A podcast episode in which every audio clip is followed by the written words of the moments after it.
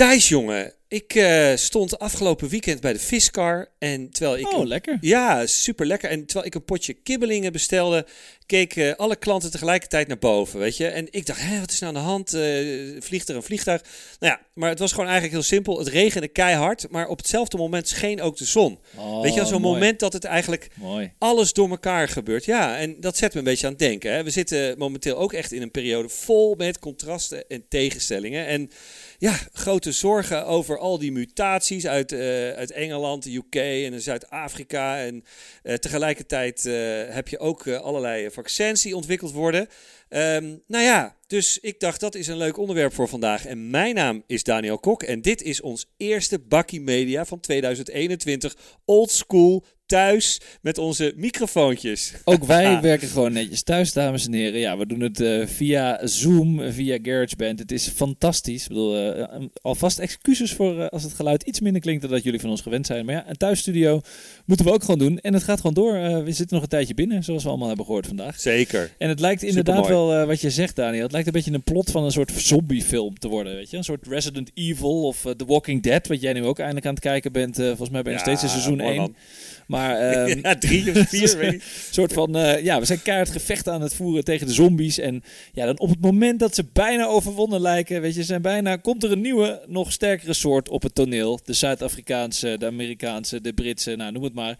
Die resistent is tegen alles en het gemunt heeft op onze kinderen. Nou, dit is zoiets. Ja, want die kunnen nu ook, uh, omdat het nog besmettelijker is. Nou, ik, ik had een beetje het gevoel dat het uh, zeg maar de White Walkers from the UK waren. Zeg ja, zoiets. Ja, zo'n uh, zo Uber-soort. een soort, it, een soort corona-it-clown, weet je wel. Maar er zijn er ook dus al van die mensen die dus al doodsbang zijn voor dat vaccin, weet je wel. Dan worden ze gevaccineerd. Dus, oh, al die bijwerkingen. En een groep die de overheid niet vertrouwt, variërend van de antivaxers tot mensen die bijvoorbeeld geloven dat COVID-19 een weaponized virus is. Waarmee de grote machten in de wereld precies. proberen allerlei beperkende wetgevingen uh, voor uh, uh, ja, in te voeren. En, en, maar we hebben ook de tegenstelling van 2020 en 2021 inmiddels. Trump en Biden. Voor en tegen de overheid. Voor en tegen de Chinezen. Nou, daar gaan we het vandaag allemaal over hebben. China. Um, mijn naam is Thijs van Dijk. Yes, Thijs. Nou, weet je, voordat we echt uh, de diepte ingaan en weer allerlei uh, verhalen gaan vertellen, uh, we moeten toch ook even hebben over de laatste bakkie van 2020. Onze awardshow van de Gouden Barista van afgelopen jaar. Ja, dat was, dat was wel echt een momentje, toch? Dat werd, werd dus uiteindelijk onze best beluisterde aflevering ooit en ook echt by far. Weet je, we hebben al meer dan 1300 enthousiaste luisteraars gehad voor deze nou ja, ja, inmiddels uh, ja. legendarische show. Die, uh, ja, die er ook voor gezorgd heeft dat wij weken uit de lucht waren. Want we dachten, ja, dat gaan we natuurlijk nooit, gaan we natuurlijk nooit meer overtreffen. Dat gaan we nooit meer overheen. Nee, maar super mooi. Ik, uh, ik zeg, we gaan op weg naar de 2000 luisteraars per aflevering dit jaar. Dat wordt een beetje doelstelling, toch? Weet je niet? Ja, absoluut. En we moeten onszelf ook als missie stellen dat we er dik overheen gaan. Daar zijn we natuurlijk super blij mee. Zo blij zelfs dat wij uh, eigenlijk hebben uh, besproken en besloten dat we de Gouden Barista zelfs een vast onderdeel willen maken ja, van Bakkie. dat is echt epic. En ja. ja. absoluut. En uh, we doen elke aflevering één nominatie voor de Gouden Barista 2021. En zo gaan we dat jaar na jaar na jaar gaan we dat op die manier doen. Uh, totdat we het zat zijn. En uh, op die manier hoor je dus straks elke aflevering één keer dit. De Gouden Barista. Ja, daar is die hoor. Mooi. En ja, en aan het eind van het jaar gaan we dit, al onze nominaties terugluisteren en kiezen we de tofste uit. En reiken we onze uh, Barista Awards uit. Dat doen we nooit echt, dat doen we alleen maar via de podcast. Uh, totdat iemand een heel mooi duur beeld sponsort. Dan gaan we die wel langsbrengen en hopelijk uh, als ja. corona weg is. Gouden, gouden ja. bakkie barista, gouden haring. Weet je, we doen gewoon daarin mee. Maar even als tegenhanger tegen onze gouden barista doen we ook telkens een nominatie voor de koffie verkeerd. Hè? Onze eigen Lode Lookie, de grootste flater van de week. Nou ja, de, de, de fail of the day, bedenk het maar. En uh, Daniel, even belangrijk natuurlijk in een uh, awardshow. Mogen luisteraars eigenlijk ook nominaties inzenden? Want ik hoorde van Olaf van Gelderen, uh, goede vriend van de show. Die wilde eigenlijk als media recruiter van het jaar genomineerd worden. Hij zond zichzelf in. Maar ja, toch wel een beetje voor leuke engagement. Ik ben nou, wel voor eigenlijk. Eh, Hell no. Hell no, Thijs. Eh, eh, niks ervan. Wij bepalen. Wij zijn hier de, de dictators van de, eh, de Gouden Barista. Eh, mensen mogen inzenden en smeken en ons omkopen wat ze willen. Maar eh, uiteindelijk eh, bepalen jij en ik. En eh, ja, zo, zo gaat het zijn. Oké, nou ja, geen publieksprijs. Maar goed, we hebben het, we hebben het dus in, eh, in deze nieuwe aflevering van Bakkie over tegenstellingen, eh, contrasten in de knotsgekke tijd waar we in zitten. Ik bedoel, wij zitten ook weer lekker eh, achter ons schermpje, zoals ik net al zei. Maar eh, Daniel, we hebben nog een nieuw onderdeel. Het kan niet op, hè, aan het begin van het jaar. Wat we in deze ja, nieuwe aflevering gaan introduceren. Het houdt gewoon ook niet op. Ehm, het is mij in de afgelopen, nou ja, maanden, het is bijna al anderhalf jaar dat we Bakkie maken. ja, wat Zeker, voor grote ja. Star Wars fan jij eigenlijk bent. En ja, ik wil Absoluut, jou als, als eh, af aan. Ik wil jou gewoon vanaf nu elke aflevering een minute of fame of Star Wars geven. Wat vind je daarvan? Oh man, ik vind dit echt, eh, dit is heerlijk jongen. Dit ga ik zo zeker gebruik van maken de eerste keer. En dan hebben we ook direct weer een nieuw eh, soundlogootje eh, voor ontwikkeld. Dus die gaan we zo ook nog eens even horen. En ik heb dus inderdaad weer even goed rondgeneust in de galaxy far, far away. wat er allemaal aan de hand is. En deze keer heb ik ook iets gevonden wat ook leuk is voor niet-fans. eh, Oké, we tenminste, gaan dus niet over de, de kunnen- Mandalorian weer hebben of over Boba Fett of nou ja. Nou, het gaat wel over de Mandalorian, maar dan Ah. eh, ja, toch op een manier dat de, dat de niet-fans het ook leuk vinden. Spoiler alert, spoiler alert. Maar goed, oké, Yes. ik ben echt heel benieuwd. Eh, ik ben ook heel benieuwd of je al die minuten gaat vullen in elke, elke aflevering. Dus een challenge voor jou. eh. weet ik ook niet. En eh, last but not least, we hebben deze aflevering, eh, omdat het natuurlijk de eerste van het jaar is, ook een hele, hele bijzondere gastquoter. Eigenlijk is die best wel een, eh, ja, best wel een grote ster geworden hè, in de wereld van de podcast. De man Zeker. van de ultieme tegenstelling, eh, Max Monnikenberg genaamd, uit de mega-hit podcast Staatsgeheim van, eh, van onze partner Topcast. Ehm, ja, zijn ook nog eens genomineerd voor podcast van het jaar. Ehm, daar hebben we het zo nog even over ook. Maar ik heb dus ook iets ontdekt bij jou, eh, Thijs. En dat, eh, dat krijg je ervan als je iedere week met elkaar, Met elkaar allerlei eh, eh, ja, eh, koffieklets aan het doen bent. Ja, dus ja, ik weet dat je een musical fan bent maar je, eh, en dat je een voetbalfan bent, maar je hebt ook een andere guilty pleasure. Ja. Ehm, je had het net al over de, de antivaxers en de coronawappies, maar jij bent ook bijzonder geïnteresseerd in complottheorieën. Hoe zit dat, man? Nou, weet je wat het is, Daniel? Daar heb je wel gelijk in. Kijk, het komt erop neer dat ik, ja, dat ik in mijn algemeenheid dol ben op informatie. Ik ben een beetje een informatiejunkie en kennis in de breedste zin van het woord. Ik vind het heel interessant om alle kanten van het eh, spectrum, om maar eventjes de galaxy er- erbij te nemen, te bekijken. Ik, ja, ik, ik hou ervan om, om mijn research allerlei bronnen aan te boren en ook op een andere manier te kijken dan eh, naar de actualiteit. Een beetje Trump, hè? Dat Weet je, niet kijkt naar anderen dan alleen maar de, de massamedia. Ja, niet alleen de standaard informatie. En ja, soms is het ook wel lekker om gewoon even in zo'n down the rabbit hole te gaan. Weet je, dat je denkt, hoppatee, we Ja. gaan even diep dat rabbit hole in. En dan, ja, dan kom je best wel vaak in, een, in, de, in de meest bizarre of ja, gore bullshit eh, terecht. Maar heel soms zitten daar dus ook slimme of excentrieke mensen in. eh, ja, die vaak helemaal ten onrechte in de hoek van de, de corona-gekkies worden geplaatst. Kijk, ik moet zeggen, niet dat ik het allemaal geloof, maar als je doet wat je altijd deed, krijg je wat je altijd kreeg, zei een wijsman ooit. Daniel. Ah, kijk, dit is weer een one-liner, jongen. Maar heb je een beetje een voorbeeld van dit soort eh, ja, bizarre gekkigheid waar, waar mensen aan voorbij gaan? eh? Nou, niet zozeer een voorbeeld, maar wel een soort tip van de luisteraars. Kijk, ik heb de laatste tijd heel veel zitten lezen over corona en de race voor de vaccins. En nou ja, waar we het over hadden, hè, de mutaties die eraan komen. Nou, daar komen we nog wel een keer op terug. Misschien moeten we een keer een eh, corona-bulletin doen.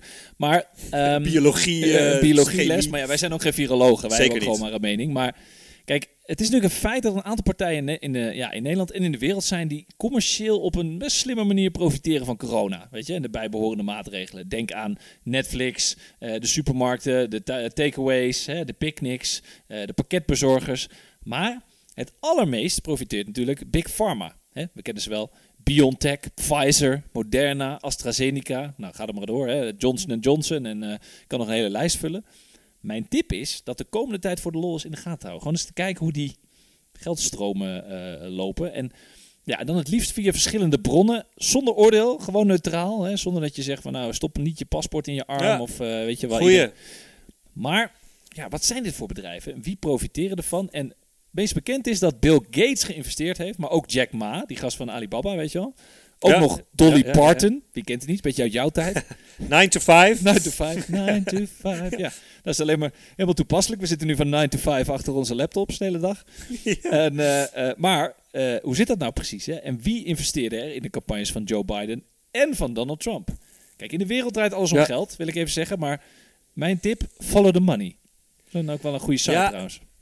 Ja, dat is eh, zeker een goede site. Het is inderdaad ook opmerkelijk dat Biden de, de, de dag voor zijn inauguratie ook een soort, ik- wat was het, een minuut stilte of een speciaal moment Ja. voor alle coronadoden eh, organiseerde. Maar ik vind het een, een hele goede, goede tip dit. Zowel follow the money als inderdaad even in de gaten te houden hoe dat nou precies commercieel gaat met dat vaccin. Het, het is natuurlijk altijd bijzonder als commerciële bedrijven met hun hand aan de kraan zitten van onze gezondheid, om het zo maar eens te zeggen. En zij kunnen natuurlijk vaccins schaars maken met hun patenten. En vaak is het dat dan zo dat ze die patenten dus niet willen delen met andere fabrikanten. Want er zijn natuurlijk heel veel farmabedrijven, fa- eh, fabrieken die nu stilstaan. En die in principe eh, miljoenen vaccins zouden kunnen maken, ook voor de derde wereld. Maar die doen dat niet. Of tenminste, eh, de bedrijven die eh, dit hebben ontwikkeld, die delen hun patenten niet. Omdat ze dan bang zijn dat. En ergens snap je dat natuurlijk wel. Maar aan de andere kant, als er zo'n ontzettend grote crisis is, dan is dat toch altijd wel een beetje suspect, vind ik. Hè?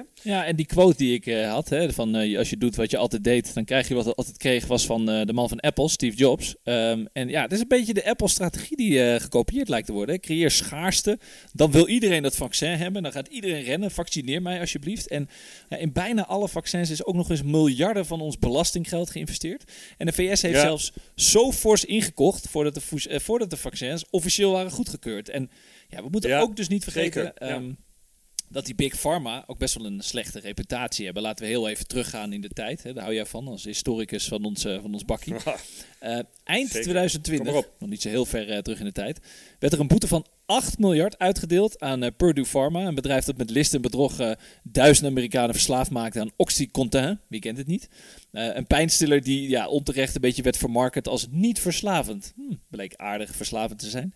Er stond ook, ontstond ook een enorme run op dat product en een enorme vraag. En ja, ze noemen dat een beetje de opioid crisis in, in Amerika. Eh, en heel even over onze vrienden van Pfizer gesproken. Hè, ook het vaccin wat wij allemaal ingespoten krijgen straks. Een jaar of tien geleden, nou dat is, ja, wat was dat, 2010... ehm, heeft Ja. Pfizer nog een boete moeten betalen van 2,3 miljard. Vanwege het feit dat ze een pijnstiller en antidepressiva op de markt brachten met een beetje frauduleuze claims. Dus I rest my case. Ik zeg verder niks, maar eh, ja, hè, je eigen nee, beslissing. precies. Ehm, we moeten, dat las ik dus ook inderdaad in een artikel. En eh, scan die alsjeblieft ook in onze show notes. Want we, we proberen altijd wel dit, alle, al- dit soort dingen goed te, te researchen. We moeten niet eh, meteen geloven dat deze bedrijven onze vrienden zijn. Hè? Eh, ik bedoel, onze overheid die zou onze vriend moeten zijn. Maar ja, daar hebben we dus afgelopen weken ook gezien met de toeslagenaffaire. Dat dat ook soms niet het geval is. Soms bewust, soms onbewust. Maar dit soort bedrijven hebben ook een hele andere missie en een commerciële missie. En eh, deze voorbeelden die je noemt zijn een goede reminder van hoe we dat eh, ja, in ons achterhoofd moeten houden. Eh, maar ja, eigenlijk de punten die je noemt, die, die boetes van 8 miljard voor Purdue en ehm 2, 2,5 eh, of 2,3 voor, voor Pfizer, dollar dan wel. ehm, dat zijn eigenlijk geen complottheorie, dat zijn meer feiten, weet je wel. En, Ja, zeker. Ehm, Ja. En, en als ik dit trouwens hoor, hoor van jou allemaal, is het ongelooflijk eh, dat jij niet echt een enorme moloot bent. Dat jij niet Ja, een Wie was is ik, de Mol was ik, fan was ik bent. wel hoor. Ik was wel Wie is de Mol fan. Maar ik heb gewoon niet het geduld meer om voor... ik- Jij hebt natuurlijk met je familie dat je op zaterdag voor de buis gaat zitten. Maar ik heb gewoon niet meer het geduld Ja. om iedere aflevering te kijken. En dan het terugkijken is, is een beetje kut met al die social media. Ja. Want dan, dan is al alles bekend. Dus ik, je moet of van het, spoilers. ja, je moet of van het begin Maar erbij zijn is of echt- niet. Snap je? Weet je? Dus ja. Het is, het is helemaal op jou, eh, op jou geschreven. Het draait om misleiding en geld en een groot complot waar allerlei mensen al dan niet van kunnen profiteren. Er zit ook ja, Bill erin. 3 Zit er ook een eh, Bill in dit jaar. Een soort Bill Gates. Nee, oh, Bill Gates. Nee, nee, nee, nee, nee. Wie er wel in zit, is mijn eh, geliefde Linda-collega Ma- eh, collega Marije Knevel. Oh. En ja, het is nog zeer de vraag of zij inderdaad kandidaat is. ja. Ja, de kandidaat Of dat, of, de mol natuurlijk. Ja, ik, weet Ja, je, zoals ik precies. zei, ik keek het dus vroeger wel, maar dat is denk ik al vijf jaar geleden of zo. Maar ja, op een gegeven moment ben ik toch afgehaakt als molloot. Want ja, ik kon het gewoon niet meer bijhouden. En eh, ja, toen dacht ik, nou ja, laat maar zitten. Maar ik, ik vind het een heel interessant programma. Ik, ik snap wat je zegt. Misschien eh, haak ik wel weer een keertje aan. Nou ja, het is inderdaad echt, vind ik ook echt een familieprogramma. En het scoort inderdaad echt 3 miljoen kijkers. Volgens mij de, de laatste aflevering zat zelfs op 4, 5 miljoen. hey, maar nu we het toch over Big Pharma en corona hebben, is het misschien tijd voor onze gouden barista nominatie van de week. Oh, Want dat heeft hier ook mee te maken, Thijs. Ja, ik heb je helemaal gelijk in eigenlijk, Daniel. Eh, kom er maar in, soundlogo.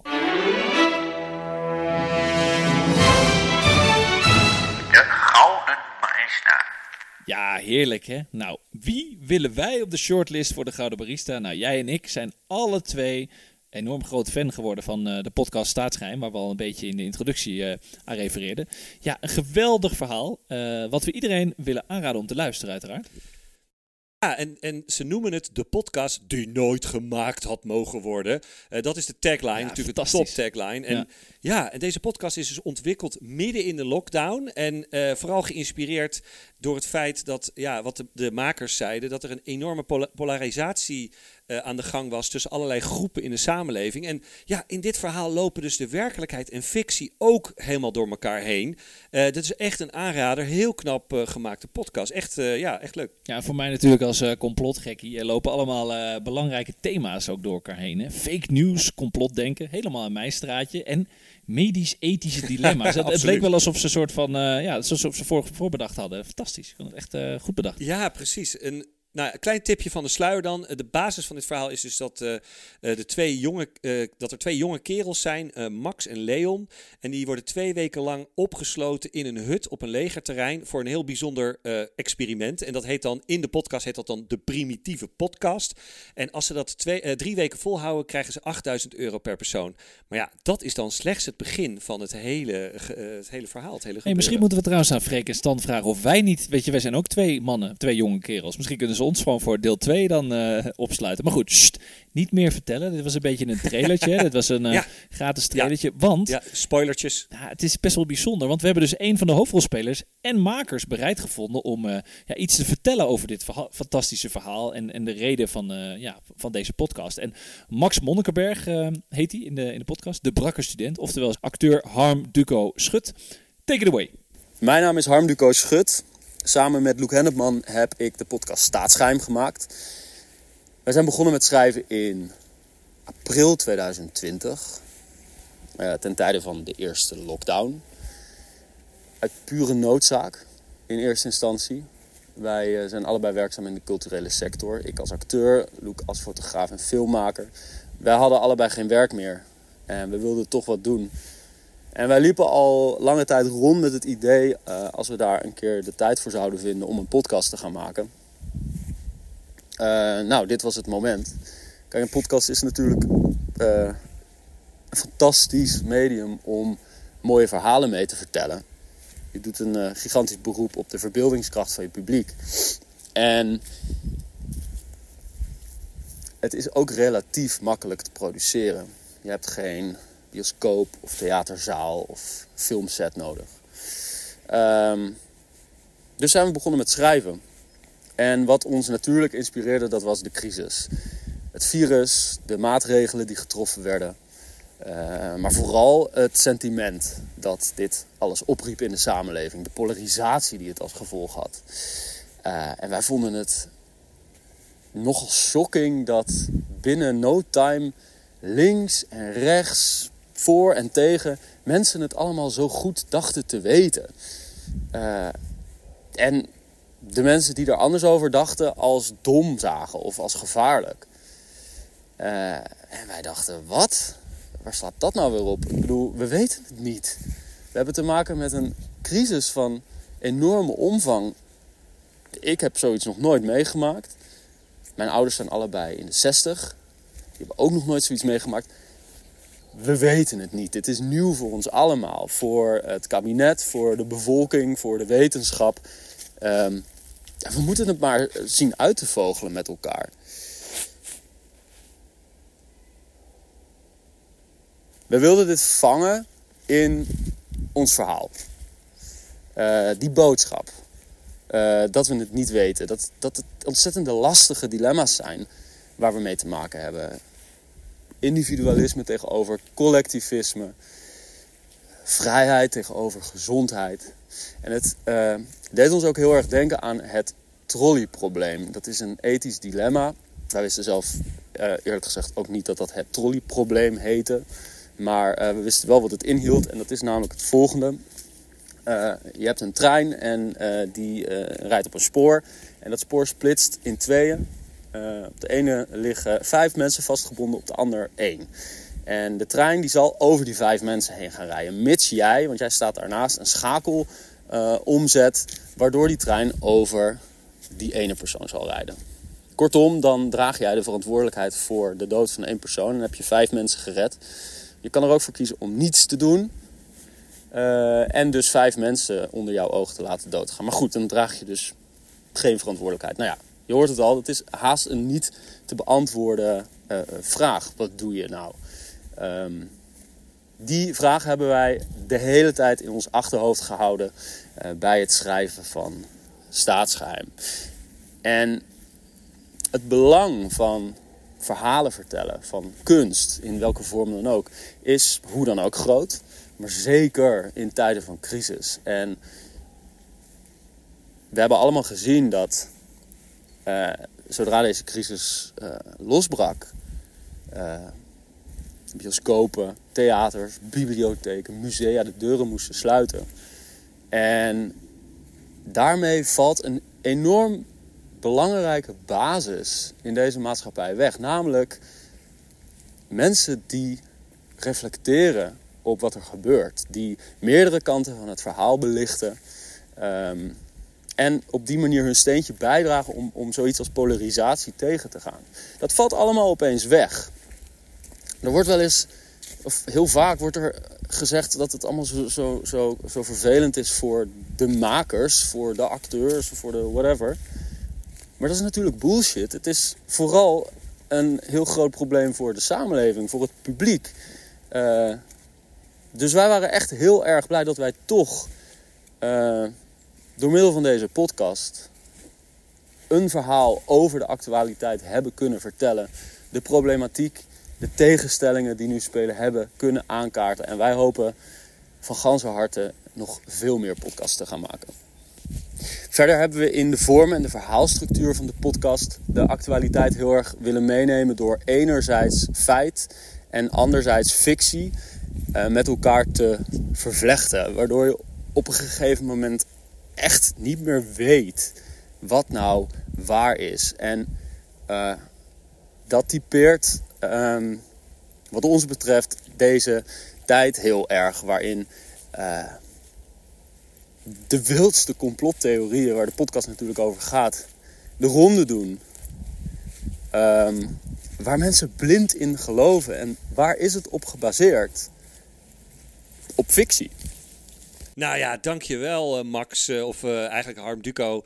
we, wil, we willen iedereen dus deze podcast aanraden, hebben we nu tien keer gedaan. En als je hem niet al hebt geluisterd, ga hem zeker luisteren. En het zijn maar, maar vier afleveringen. Misschien is dat ergens nog wel een beetje jammer, want we, het is zo leuk. We zouden er echt wel veertig willen luisteren. Je binget er als een, als een tierenlier doorheen. Um, ja, dus, ja, dus dat is absoluut, absoluut iets wat een, een barista-nominatie waar is, waard is. Maar goed, Thijs, we moeten ook nog een koffie verkeerd afhandelen. En ik denk dat we twee kandidaten hebben. Tenminste, zo kijk ik er tegenaan. En één zou wat mij betreft, inderdaad wat ik net al zei, de overheid kunnen zijn... die ons te midden van een ongelooflijke grote crisis nog een keer extra in de steek laat. Hè? Het kabinet is geëxplodeerd. Nou, doei doei. Um, en overigens volkomen terecht dat het is gebeurd, omdat ze echt nou, 30.000 van hun eigen burgers willens en weters, willens en wetens hebben behandeld als criminelen en hun leven ja, echt in de stront hebben geduwd. Dat is echt, daar, daar lusten de honden geen brood van. Um, maar een andere uitstekende kandidaat is misschien wel de aanval op de, uh, de democratie in de Verenigde Staten van begin van dit jaar. Ja, het is echt volkomen ongelooflijk. Het lijkt wel alsof wij onze bakje daarop uh, ja, geënt hebben op deze gekkigheid. Ik bedoel, we dachten dat 2020 al een bizar jaar was. Maar het begin van 2021, nou, was uh, wat mij betreft nog wel wat, uh, wat gekker, de toeslagenaffaire. Ook nog een leuke uh, tip voor de kijkers. Je kunt ja, Ondernemen Nederland of Wakker Nederland op zondag terugkijken. Hele interessante aflevering, is van 17 januari. Waarin ze nog wat dieper de materie ingaan. En dan, dan krijg je nog wat extra informatie over deze gekte waarom het kabinet gevallen is. Maar, nou, en het vuurwerk dat was natuurlijk verboden met de jaarwisseling. Kwam een jaar, nou ja. kwam eigenlijk een week... sterretjes hadden we. Sterretjes hadden we. Nou, we mochten misschien... Nou, jullie mochten... ja. ik, ik zat in de sneeuw in, in Madrid. Maar um, ja. ja uh, een week later in de VS waar een boze menigte, geïnspireerd door Trumps tweets en opruiende speech, ineens Capitol Hill gingen bestormen. En ook nog daadwerkelijk erin slaagden om het in te nemen na een soort heuse belegering. Het leek wel een soort belegering van de barricade. De bestorming van de Bastille was er niks bij, uh, honderd, een paar honderd ja, jaar geleden, Daniel. Als je het hebt over tegenstellingen, weet je als mensen in Nederland hun onvrede eh, willen uiten, dan gaan ze zeg maar eh, op fluitjes blazen en op potten en pannen eh, slaan. Of ze rijden met hun trekker over de snelweg. maar in Amerika pakken ze hun guns en een molotov cocktails en bestormen ze gewoon het parlement samen met Jamiroquai. Weet je, heb je die gasten er ook nog tussen zien lopen? Ja, het was een soort Braveheart. Ik, ik dacht al dat het Mel Gibson was, maar het was een soort eh, Braveheart met bondmuts en horens erop en half naakt. En nou, inmiddels zit hij volgens mij ook in de cel, maar ja, ook veel gasten met selfie sticks en rode petjes die dan met eh, de Amerikaanse beveiligers eh, even een selfie gingen maken op Twitter. Eh, ja, het Een is echt carnaval was het. bizarre tafereelen. Maar goed, een auto vol molotov cocktails en bommen. ja, meerdere doden. Weet je, gewoon eh, livestreaming. Dat je kon zien hoe die eh, vrouw werd neergeschoten.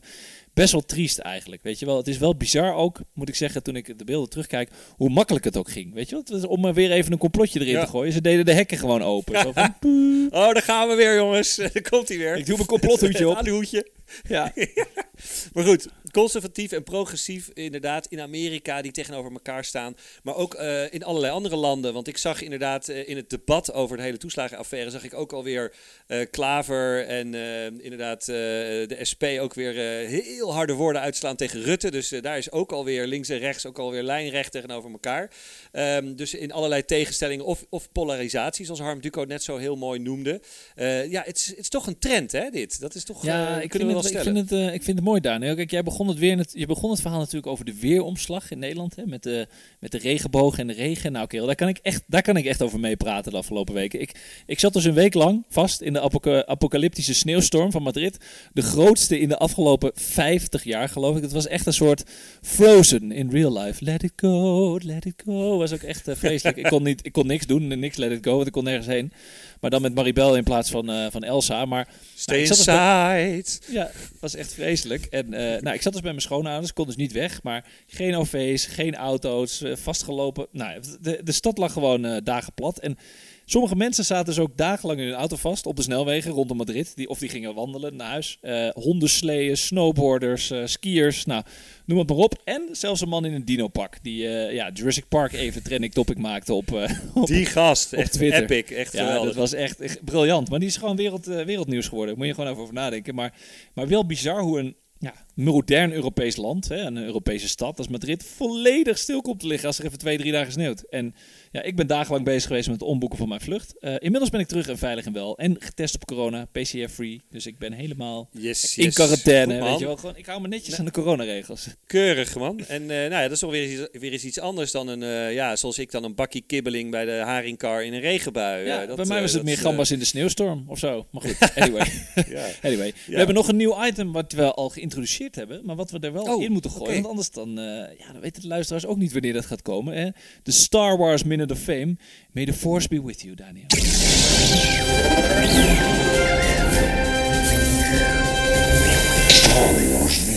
Ja, oh jongens, daar is hij. Do or do not, there is no try, zei Yoda ooit. En dan heb ik het niet over baby Yoda. Nee, die kan niet Hou jij de tijd bij? Het is één minuut. Ja, Ehm, go. ja ik, eh, dit onderwerp, ik kwam hierop eh, wat ik nu ga vertellen, omdat ik het onlangs met jou had over de positionering van sport- en sneakermerken. En jij had Fleur Hofstra van Puma in jouw show Thijs Talks. Daar moeten we het ook nog een keer over hebben. Superleuk. Ja. Eh, ze is een erg inspirerende dame. En, maar een van de uitdagingen voor dat soort merken is om zich te onderscheiden van de concurrentie. Hè? Dat is natuurlijk logisch. En een van de merken die op dit moment dat heel goed doet naast Puma, eh, dat is natuurlijk Adidas. Hè? En eigenlijk is dit een beetje oud nieuws. Het is niet fake nieuws, het is oud nieuws. Maar zij hebben in de zomer een Star Wars lijn uitgebracht. En zo heb je de Princess Leia Ultra Boost en de Skywalker Stan Smith. En de Chewbacca High Star. En dat, die laatste is een schoen met van die haren erop.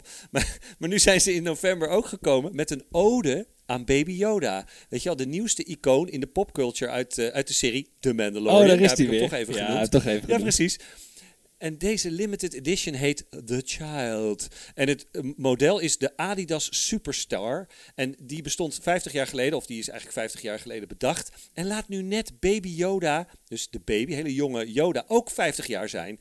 En als je dat Ah. gek vindt, nou, in de serie zeiden ze al: Not all species age the same. Zegt, eh, nou ja, de Mandalorian of een van zijn Echt een matties. man van de detail ben jij ook, hè? Dat, dat let jij dan Ja, op. precies. echt mooi. En de schoen heeft dus de kleur van de baby Yoda zijn huid. En aan de zijkant staat: The force is strong with this little one. En het klopt helemaal, weet je wel. Een klein probleempje. Eh, de schoen is stijf uitverkocht. Ja, dat is, is niet in alle maten meer verkrijgbaar. Maar eh, het moet wel zeggen, mooi. By the way, hè, die, even, even terug naar die seasons ending van seizoen 2 van The Mandalorian. Dat was wel echt epic, hè? Ik bedoel, wij appten elkaar nog. Eh, ik, ik moet zeggen, ik zal niet spoilen, maar het was niet normaal. Ik heb echt genoten. Ik zat gewoon met tranen in het vliegtuig. Ik zat het vliegtuig te kijken en dacht, wauw, het is fantastisch. Ja, ik echt fantastisch. Maar goed, maar ja, Adidas. eh, even terug, hè, want anders blijven we, dat eh, is het Star Wars minuutje, wordt drie minuten. Laten we heel even Adidas een minute of fame geven. Kijk, die timmeren goed aan de weg. Hè? Niet alleen met producten voor de Skyfar nerds zoals jij en ik ook een klein beetje. Maar eh, naast dat ze dus die Star Wars shoes eh, doen, werken ze nu ook aan een veganistische schoenenlijn. Ze is ook nog lekker bezig met de, de gezonde levensstijl. Ik, ik las Eetbare schoen. Eetbaar, ja, niet een eetbaar schoen. Ik zou hem niet opeten. Dus ik denk niet dat, rub, dat rubber, eh, rubber van, eh, van veganistisch materiaal is gemaakt. Maar erg bijzonder materiaal. Het was een bijzonder verhaal wat ik las op een blog genaamd The Veg Economist. Ja, wie verzint het ook? Vind ik wel mooi, hè? Veg Ja, Economist. precies. Ehm, Ingewikkelde naam. maar ze gebruiken een, een, een biologisch afbreekbaar alternatief voor leer op basis van paddenstoelen. Dus ja, je zou hem kunnen eten als je dol bent op eh mushrooms. Paddo shoes. Paddo shoes. Ja, dat zou wat in Amsterdam kunnen zijn. Maar ze hadden dus al een eh, milieuvriendelijke lijn genaamd Clean Classics. Gemaakt van natuurlijke en gerecycled materiaal. En veel van hun schoenen worden nu gemaakt van gerecycled plastic dat op het strand is verzameld. En nou, dan komen ze dus in 2021. Zeggen ze van nou, 60% van hun producten zal gerecycled polyester gebruiken. Ja, het bedrijf heeft de ambitie om in 2050 CO2-neutraal te zijn. Dat vind ik dat toch wel mooi van een eh, schoenenmerk. Wel onderscheidende Ja, purpose. ik vind het wel. Ik vind wel 2050 vind ik echt fucking lang. Ja. Het is echt over 30 jaar pas. Weet je, jij en ik, die, eh, het is nog de vraag of we er dan nog zijn. Nou ja, daar ga ik wel van uit. Maar Not all zijn we echt- the same. touché, touché. Maar goed, Thijs, dat geeft ons eh, wel ruim de tijd om even een, eh, een bakkie te drinken voordat we in deze, eh, zeg maar, volledig eh, CO2-neutrale shoes kunnen rond, rondwandelen. Ja, the force be with you, zeg ik altijd maar. Top idee, Obi-Wan Kok, hè, voor de echte sci-fi nerds. Ja, dit was Bakkie Media alweer. De tijd vliegt als het leuk is. Ehm, deze aflevering is zoals gebruikelijk terug te luisteren op alle bekende podcastplatformen. Ook zijn we te vinden op de platformen van onze mediapartners, de Adformatie en Topcast Media. Je kunt ons ook vinden op social media. Op Twitter via @bakkiemedia, op Instagram via @bakkiemediapodcast en ook voor familie en vrienden zijn we natuurlijk te vinden op Facebook. En laat ook eens een comment of een review achter bij Apple of Google Podcast. Ja, zo weten onder andere mensen ons ook beter te vinden. Tot volgende week!